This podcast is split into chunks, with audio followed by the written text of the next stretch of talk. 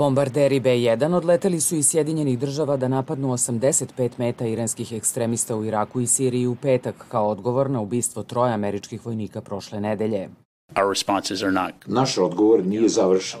Ponavljam, neću da nagađam i raspravljam šta bi to moglo da bude, osim da ćemo to obaviti u vreme i mestu koje mi izabrali.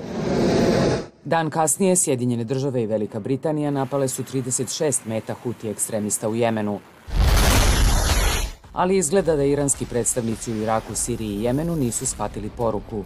Oni su napali Sjedinjene države i partnerske snage u Siriji tri puta od petka.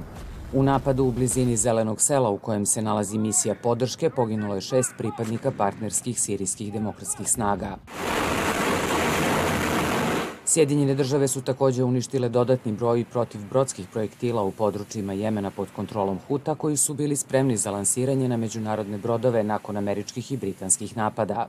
Mi nismo u ratu sa Hutima, ne želimo da idemo u rat sa Hutima, ali ako nastave sa napadima, mi ćemo nastaviti da im uništavamo i umanjujemo kapacitete.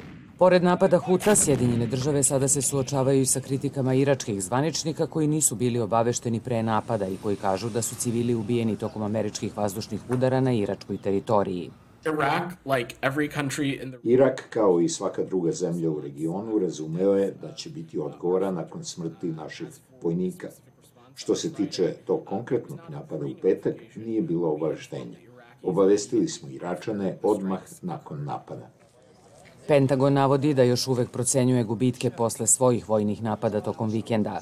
Od sredine oktobra američke snage napadnute su 170 puta u Iraku, Siriji i Jordanu, dok su Huti u Jemenu napali međunarodne brodove u Crvenom moru i Adenskom zalivu više od 30 puta.